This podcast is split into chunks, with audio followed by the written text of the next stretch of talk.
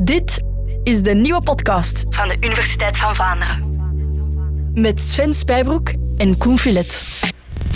Deze aflevering past in een reeks van tien over het verhaal van Vlaanderen. Het tv-programma met Tom Waas, dat je trouwens nog altijd kan bekijken op VRT Max. Vandaag onderzoeken Sven en Koen of het waar is dat Julius Caesar epilepsie had. Luisteraars, um, uh, goeiedag. Dag Koefilet. Dag Sven. Uh, verhaal van Vlaanderen. Het ging over Julius Keizer. Hè? Heb je het gezien? Ja. Het was de moeite, hè? Dat is altijd geweldig. Hè? Zo, hij kwam en zag je overwonnen en zo. En, uh... enfin, alhoewel, ik heb ooit eens een leraar Latijn gehad en die zei op het einde van de rit, als we de hele de Bello Gallico gelezen hadden, zei ik wil er toch even op wijzen dat een fascist en een massamoordenaar was. Julius Caesar. Ja, dat zat ook in de uitzending eigenlijk. Hè? Maar, maar, maar, maar, wat er niet in zat, is dat Julius Keizer een beetje ziekjes was. Welke ziekte had hij? Ah, wel, kijk, daarvoor hebben we een professor uitgenodigd. Dag Christian Laas. Uh, professor van de Universiteit Antwerpen en in Manchester ook. Klassicus, hè? U zat in de uitzending, u heeft van alles verteld over Julius Keizer. Maar wat u niet verteld heeft, is dat niet zo geweldig. Ja, we hebben het beeld van een grote, sterke veldheer. Maar dat klopt niet allemaal, hè? Niet helemaal waarschijnlijk, ja. Um... Hebt u zijn... waarschijnlijk gezegd? Ja. Al direct nuance in de eerste zin. Genuanceerd ja. zijn Ik zal zeggen wat ik op school geleerd ja? heb. Dat hij epilepsie had. Mm -hmm. Heb je dat op school geleerd? Ja. Maar, ik heb dat echt nooit gehoord. Ja, nee, helemaal op het einde zeggen ze dan. Ah, ja, ja, ja. Dat soort dingen. Oké. Okay. Ja. Ik vind het ook mooi dat je zegt helemaal op het einde, want het is inderdaad een, uh, een anekdote die over hem wordt verteld door twee van zijn uh, biografen uit de oudheid. En het situeert zich blijkbaar inderdaad meer op het einde van zijn leven. En het zou kunnen dat het om epilepsieaanvallen ging. Ah, wacht, er zijn twee biografen van Julius Keizer, Romeinen van, ja. vanuit zijn tijd dan. En die schrijven van, kijk, hij heeft vallende ziekte. Ja, toch wel een beetje later ook. Het zijn, zijn twee schrijvers die op het einde van de eerste eeuw na Christus schrijven. De ene in het uh, Grieks, dat is uh, Plutarchus, en de andere in het Latijn, dat is uh, Suetonius. En zij beiden, toch wel een honderd jaar al na het overlijden van, van, van Caesar, vertellen over uh, aanvallen die hij zou gehad hebben. En die biografie is honderd jaar later geschreven? Ja, absoluut. Ja, ja, ja, ja. Oei. Dus dat is al een probleem. Ik precies niet hard vertrouwen. da daarom, dat ik, daarom dat ik uh, waarschijnlijk zei. Dus, dus, ah, uh, ja, ja, ja, ja. Maar dat zijn de enige, of de eerste bronnen die we hebben. Ja. Niet zeggen over mm -hmm. Julius Zij komen het dichtste voor het leven van, van uh, Keizer, absoluut. En ze zeggen aanvallen. Ja. Hoe dat, dat ook in het Latijn mogen klinken. Maar epilepsie, ja, dat is natuurlijk een modern begrip dat wij hanteren. Maar... Dat is een uh, modern begrip. Dus als we bijvoorbeeld de tekst van Suetonius nemen, uh, daar wordt gesproken over um, aanvallen van morbus comitialis. Wat eigenlijk betekent uh, de ziekte van het comitium. En het comitium is, zo je wil, de publieke politieke vergadering. De, dus dat betekent de. De vergadering. De ja, de vergaderruimte, want het gebeurde in, ah, ja, ja. in open de parlementsziekte of ja, iets. In open lucht te bekijken dan, op het Forum Romanum. Ah, ja. En waarom zou die ziekte zo geheten hebben? Wel omdat het natuurlijk een ziekte is die je vooral niet wil toonbaar hebben in de publieke openbare ruimte. Ja. Insinueren ze dan dat Julius Caesar ergens hier en daar tijdens een speech in een open ruimte, ja, ik weet niet, een soort beroerte heeft gehad? Zo zeggen ze het niet. Ze zeggen dat dus uh, hij in zijn leven twee keer um, getroffen is geweest door zo'n aanval van wat Suetonius dan morbus comitialis noemt. Um, maar men zegt niet dat het tijdens een speech of zo is gebeurd. Als je bij Plutarchus leest, dan zegt hij dat het uh, in Spanje zou gebeurd zijn in de laatste fase van de burgeroorlog tegen, tegen Pompeius. Maar dus zijn heel occasioneel wordt er, wordt er, zoiets, wordt er zoiets verteld over. Ja, wat het dan precies was? Of worden er andere Romeinen beschreven met die ziekte waarvan we wel weten wat het was? Of... Dat is de hele vraag eigenlijk van retrospectieve diagnose, zoals het dan technisch Ah, heet. ja, Wij zijn er natuurlijk altijd heel erg in geïnteresseerd en daar kom ik straks graag nog op terug, waarom we dit eigenlijk zo interessant vinden. Want het gaat altijd om grote mannen, grote heersers. En dan willen we weten, zou daar toch ook niet iets als een Kleine aandoening hebben meegespeeld? En dus natuurlijk, de, de schrijvers die we kunnen raadplegen, dat zijn meestal geen medische schrijvers. Dus die benaderen dat helemaal niet vanuit een soort medische interesse. Ja. En het enige dat wij kunnen doen, is met die weinige gegevens proberen een soort medische diagnose, te stellen. Maar het gaat niet. Het is alsof je in de krant van 100 jaar later zou gaan opzoeken Zo is dat wat precies. er daarvoor gebeurd is. Ja, en, en, en er worden twee namen genoemd, Plutarchus en Suetonius. Dat lijken twee bronnen, maar misschien hebben ze het van elkaar overgeschreven. Dat of- kan want- absoluut want het waar, geval waar, zijn. waar halen die hun Ja, kennis waar van? halen ze? Dus voor, voor Suetonius weten we dat vrij goed. Suetonius was op het einde van de eerste en begin van de tweede eeuw na Christus eh, aan de keizerlijke archieven verbonden in Rome. Ja. Dus hij was een soort archivaris. Dus hij moet natuurlijk oudere documenten ter beschikking hebben gehad. En ehm, het is zeker niet zo dat hij een heel leven van, van keizer gaat verzinnen. Idem voor, voor eh, Plutarchus natuurlijk. Dus, dus er moet... ehm, Iets er moet zeker zijn. iets geweest zijn. En vandaar dat ik in het begin zei, ja, dat is een, een, een- een heel goede mogelijkheid dat het hier inderdaad om eh, epileptische aanvallen gaat, maar, maar, maar heel veel meer. Hè. Van nou, hoe vaak dat dan is voorgekomen, ehm, of dat al in zijn kinderjaren was gebeurd enzovoort. Heel veel meer kunnen we daar eigenlijk niet, niet over zeggen. Of dat invloed gehad heeft op zijn functioneren als... eh, Had hij maar zo'n toeval gehad toen hij ons kwam veroveren, Voilà. bijvoorbeeld. Maar dat is Ja. dus niet gebeurd. Enfin, dat weten we niet. Maar fijn, dat was een kort maar interessant gesprek. Ja. Ja, maar nu- wacht, nu- toch, we kunnen ons nog, ja, we kunnen ons nog afvragen, Dank u wel. hoe- hoe- los van onze Ja. figuur Caesar, hoe de Romeinen omgingen met iets als... Ah ja, stel dat hij het wel had Ja, gedaan, bijvoorbeeld. ja, want dat is uw vakgebied. Voilà, En voilà. daarom zit u weer op, Ja. omdat dat zo interessant is, hoe de Romeinen in het algemeen met handicaps omgingen. Ja, dus gaan we toch maar verder. Ja, heel, graag. heel graag. Ja, eh, die hele vraag van hoe de, de Romeinen dan, dan omgingen met iets als de vallende ziekte of die epilepsie. Die vraag is ook moeilijk te beantwoorden en dat hangt eigenlijk heel erg af ook van de, van de context. Ja. Dus ehm, stel sommige dat denken... Julius Caesar Ja. toch epilepsie gehad Ja. had. Zou hij, dan, zou, hij dan keizer zijn kunnen worden? Of, of was hij ergens in een gesticht Ik zou geëindigd? zeggen, Of- waarom niet? Absoluut, omdat Ah, dat ja. maar iets is dat, dat, dat zich sporadisch voordoet.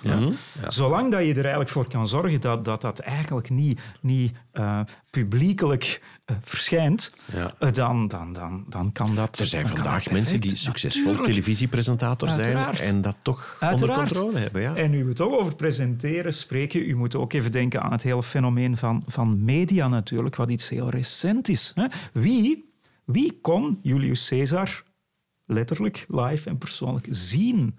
Ja? Daar staan natuurlijk nooit geen camera's op. Daar zijn geen opnames van. Dus de heerser, los van Caesar zelf, de heerser is iemand die je in het beste geval heel in de verte eens kan zien. Dus het is veel gemakkelijker eigenlijk om, om, om, om dingen te maskeren.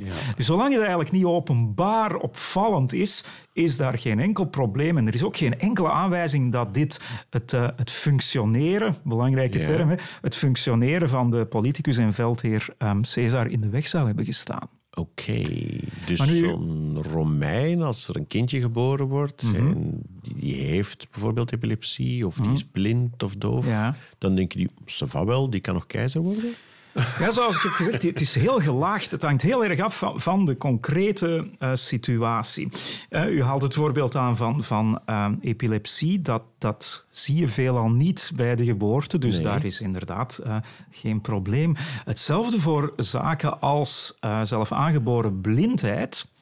Er zijn mensen bij wie je dat eigenlijk niet aan de ogen ziet en dat komt pas na een paar jaar uit of wordt pas na, na een paar jaar duidelijk. Hetzelfde voor bijvoorbeeld aangeboren doofheid. Men test baby's daar ook niet op. Nu, wat zegt onderzoek daarover? Ehm, als men dat gaat merken, na een aantal jaren, dan is er al een binding eigenlijk tussen ouders en kind. En dan is het extreem zeldzaam dat ouders zouden beslissen van we kunnen dit kindje eigenlijk niet houden. Het is anders uiteraard voor beperkingen die bij de geboorte heel, heel duidelijk zijn. Ik heb het beeld, die Romeinen, dat zal vast gelijk de Spartanen geweest Ja. zijn, kinderen met handicaps van de rotsen. Over die Spartanen heb ik bij de Universiteit van Vlaanderen enkele jaren geleden al gesproken. Ook dat is een verhaal dat heel erg moet worden genuanceerd. En idem zou ik zeggen voor de Romeinen. Ehm, ik denk dat we realistisch moeten zijn. Inderdaad, omdat veel mensen het zich ook niet konden veroorloven, zijn er heel wat eh, baby's als ze met een duidelijke beperking geboren worden, die het niet overleven. Maar anderzijds kan je dat niet zo zwart-wit stellen en zijn er heel wat voorbeelden van baby's die het wel overleefden en die ver tot in het volwassen leven uh, verder leven en soms ook wel um, succesvol zijn. Ja, dat is goed nieuws, hè? Dat is zeker zo. Oké, dus stel, uh, je bent blind hè, mm -hmm. als kind en je ouders zien het veel te laat en hebben het ondertussen, vinden ze jou toch sympathiek en lief en laten jou leven. Mm -hmm. Had je een beetje een leuk leven? Als opnieuw, Romein? Opnieuw, heel erg afhangend van de concrete situatie. Je kan je voorstellen, in een, uh, nemen we nu blindheid, nemen we een grotere familie waar um, slaven zijn, waar dienstpersoneel is, waar de nodige welstand is, dan kan je vrij goed functioneren. We het ander voorbeeld van een dorpsgemeenschap. Mag niet vergeten, het Romeinse Rijk, tussen de 70 en de 80 procent van de mensen leven eigenlijk op het platteland. Oké, nemen we nu zo'n dorpsgemeenschap. Iemand is daar uh, van bij geboorte blind. Maar natuurlijk, dat heel ideaal van mobiliteit zoals wij het hebben, dat bestaat veel minder.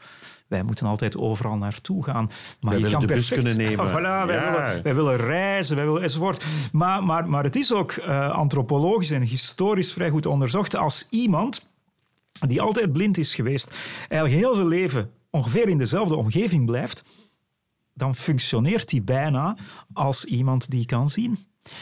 Want je bent heel vertrouwd met die omgeving. er zijn ook heel wat um, agrarische activiteiten die jij perfect kan doen.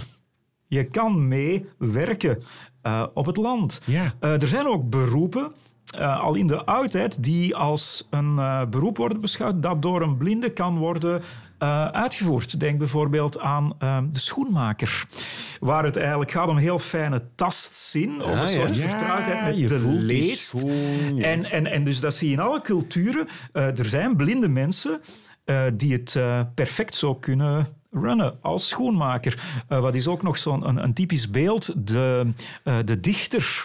Iemand die honderden, om niet te zeggen duizenden verzen kan reciteren van buiten. Ja? Ook daar zijn voorbeelden van in heel wat culturen. Ja. En, en, en, de blinde dichter is, is vandaar zangers, ook een beetje... muzikanten ja, vandaag. Zangers, muzikanten, al die zaken. Dus dat, dat heeft allemaal... Dat is, dat is niet typisch voor de oudheid, maar dat heeft allemaal bestaan, ook in de oudheid. Uh, ja, het is een beetje een slotvraagje. Dus als jij nog een nuance wilt... Ah, nee, nee. uh, Ik wou gewoon even mijn blijdschap uitdrukken Ah, over het feit dat je dus als blinde... Hè, ik denk, ah, toen we aan dit gesprek begonnen, dat gaat, dat gaat horrorverhalen worden die de Romeinen gaan bikkelhard zijn met mensen met een handicap. Nee, nee, nee. nee. De wereld was op een of andere manier er, er beter voor geschikt Ja. om, om mensen op te nemen in de gemeenschap. Ja. Gewoon, mooi. Sven, het simpele feit dat jij de term gehandicapt gebruikt, Ja. hadden de Romeinen, Ah, ja, ja, is er een ja, ja. Latijns woord voor een gehandicapte, Nee. iemand met een handicap? Heel duidelijk nee. Wauw. Ja. En dat is natuurlijk het grote verschil. Hè? Dus um, die categori categorisering die leidt altijd ertoe dat je mensen in, in een soort hokjes gaat onderbrengen. Ja. Dat heeft natuurlijk ook te maken, het is weer niet zwart-wit natuurlijk, dat, dat bij ons een beperking, en terecht natuurlijk, kan u uh, de toegang geven tot uh, bepaalde Ja. steunmaatregelen Ja, ja. van de staat. Dat bestond natuurlijk helemaal niet in de oudheid. Ja?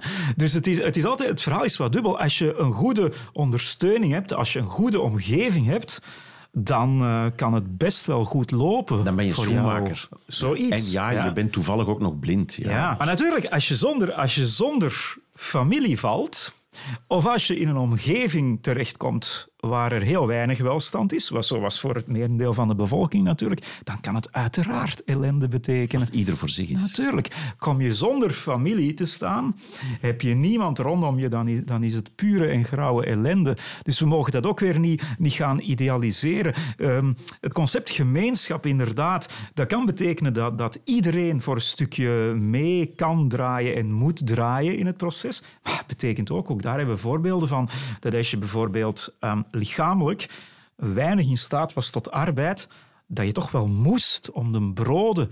Er zijn nogal wat uh, skeletten teruggevonden van mensen van wie we weten dat die afschuwelijke pijnen moeten hebben doorstaan. Maar ondanks dat toch vele tientallen jaren in hun leven zware fysieke arbeid hebben verricht. Ja. moet je er ook bij zeggen, natuurlijk. En als je zel, zelfs dat niet kon, ja, dan was je een Ja, dan ben je, dan ben je tot de bedelstaf uh, veroordeeld natuurlijk. Of dan moet je maar hopen dat, dat uh, iemand in je omgeving u wil helpen.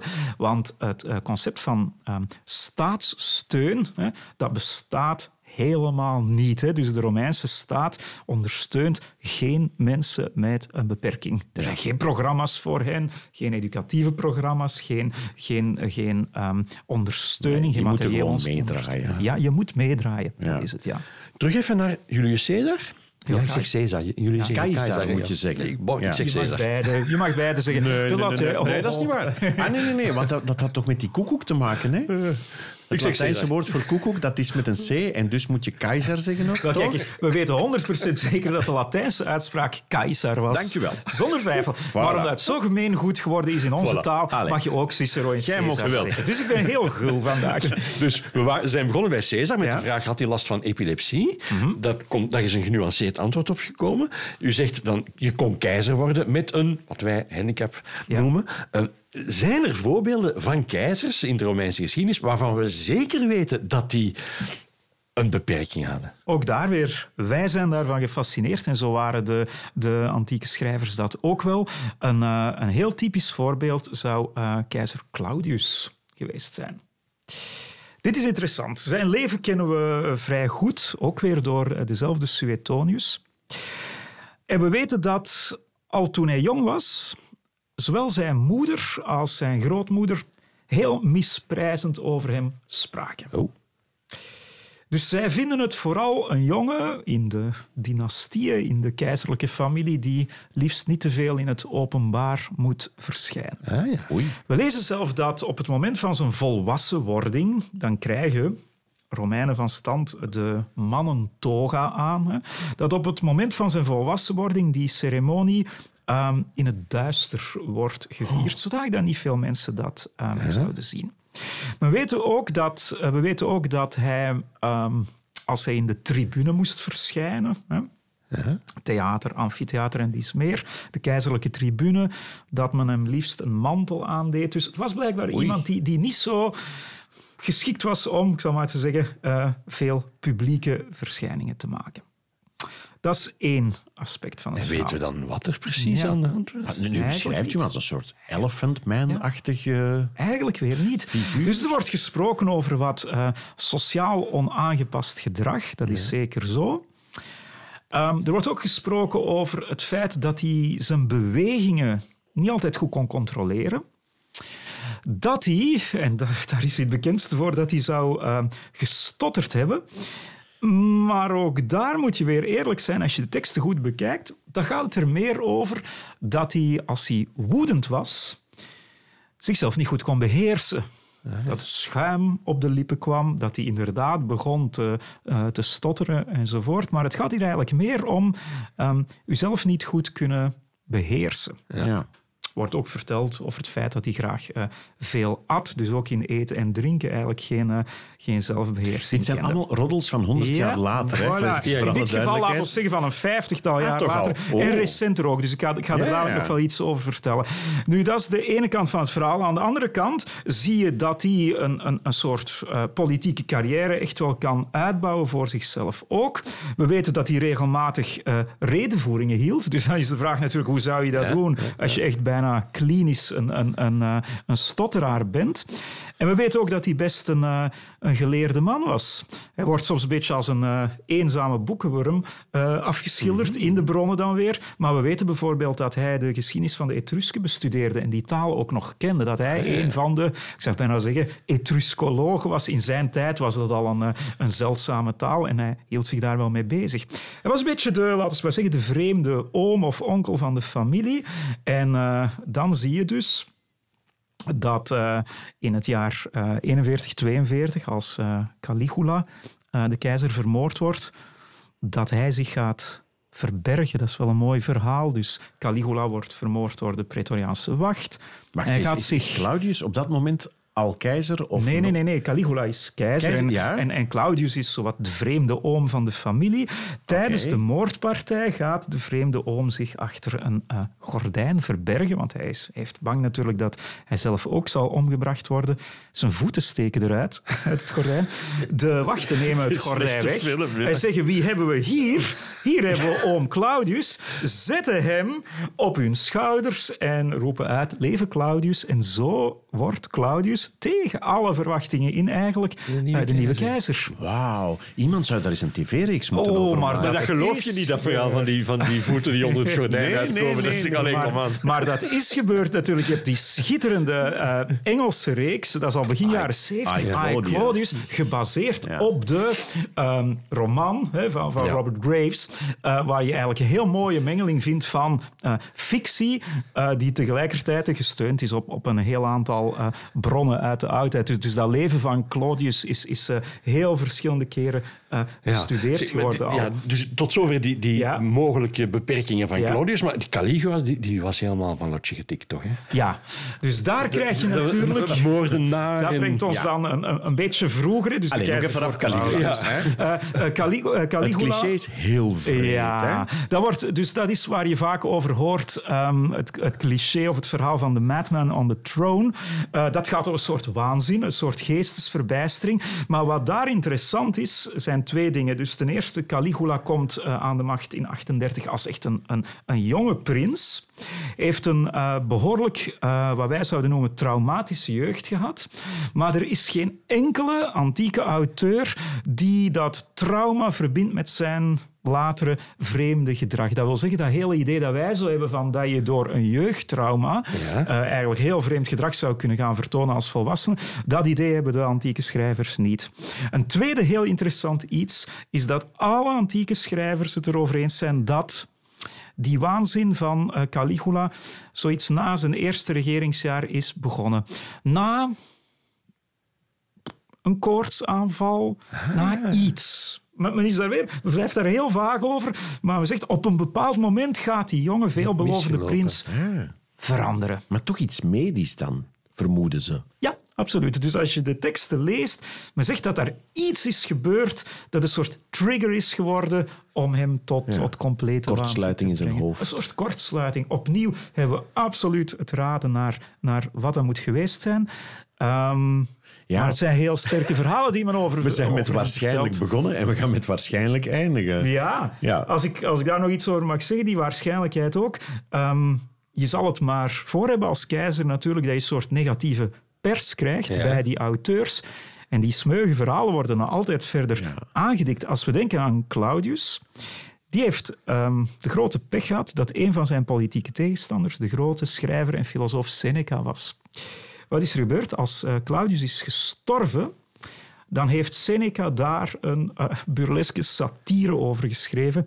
En ik ga het proberen zonder stotteren dan hè, uit te spreken. Dat heet in het Latijn de apokolokintosis. Of in vertaling de verpompoening van Claudius. En waar gaat dat over? Dus Seneca stelt zich voor dat die rare man, die altijd zijn politieke tegenstander was, dat hij naar ja, de hemelgoden gaat, naar de hemel gaat. Mm -hmm.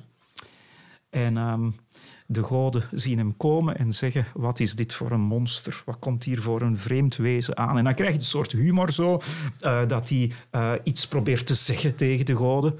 En dan zeggen de goden: Wat heeft hij gezegd? We verstaan hem niet. Die man stottert. Ja? En hij heeft een veel te groot hoofd, vandaar misschien de verpompoening.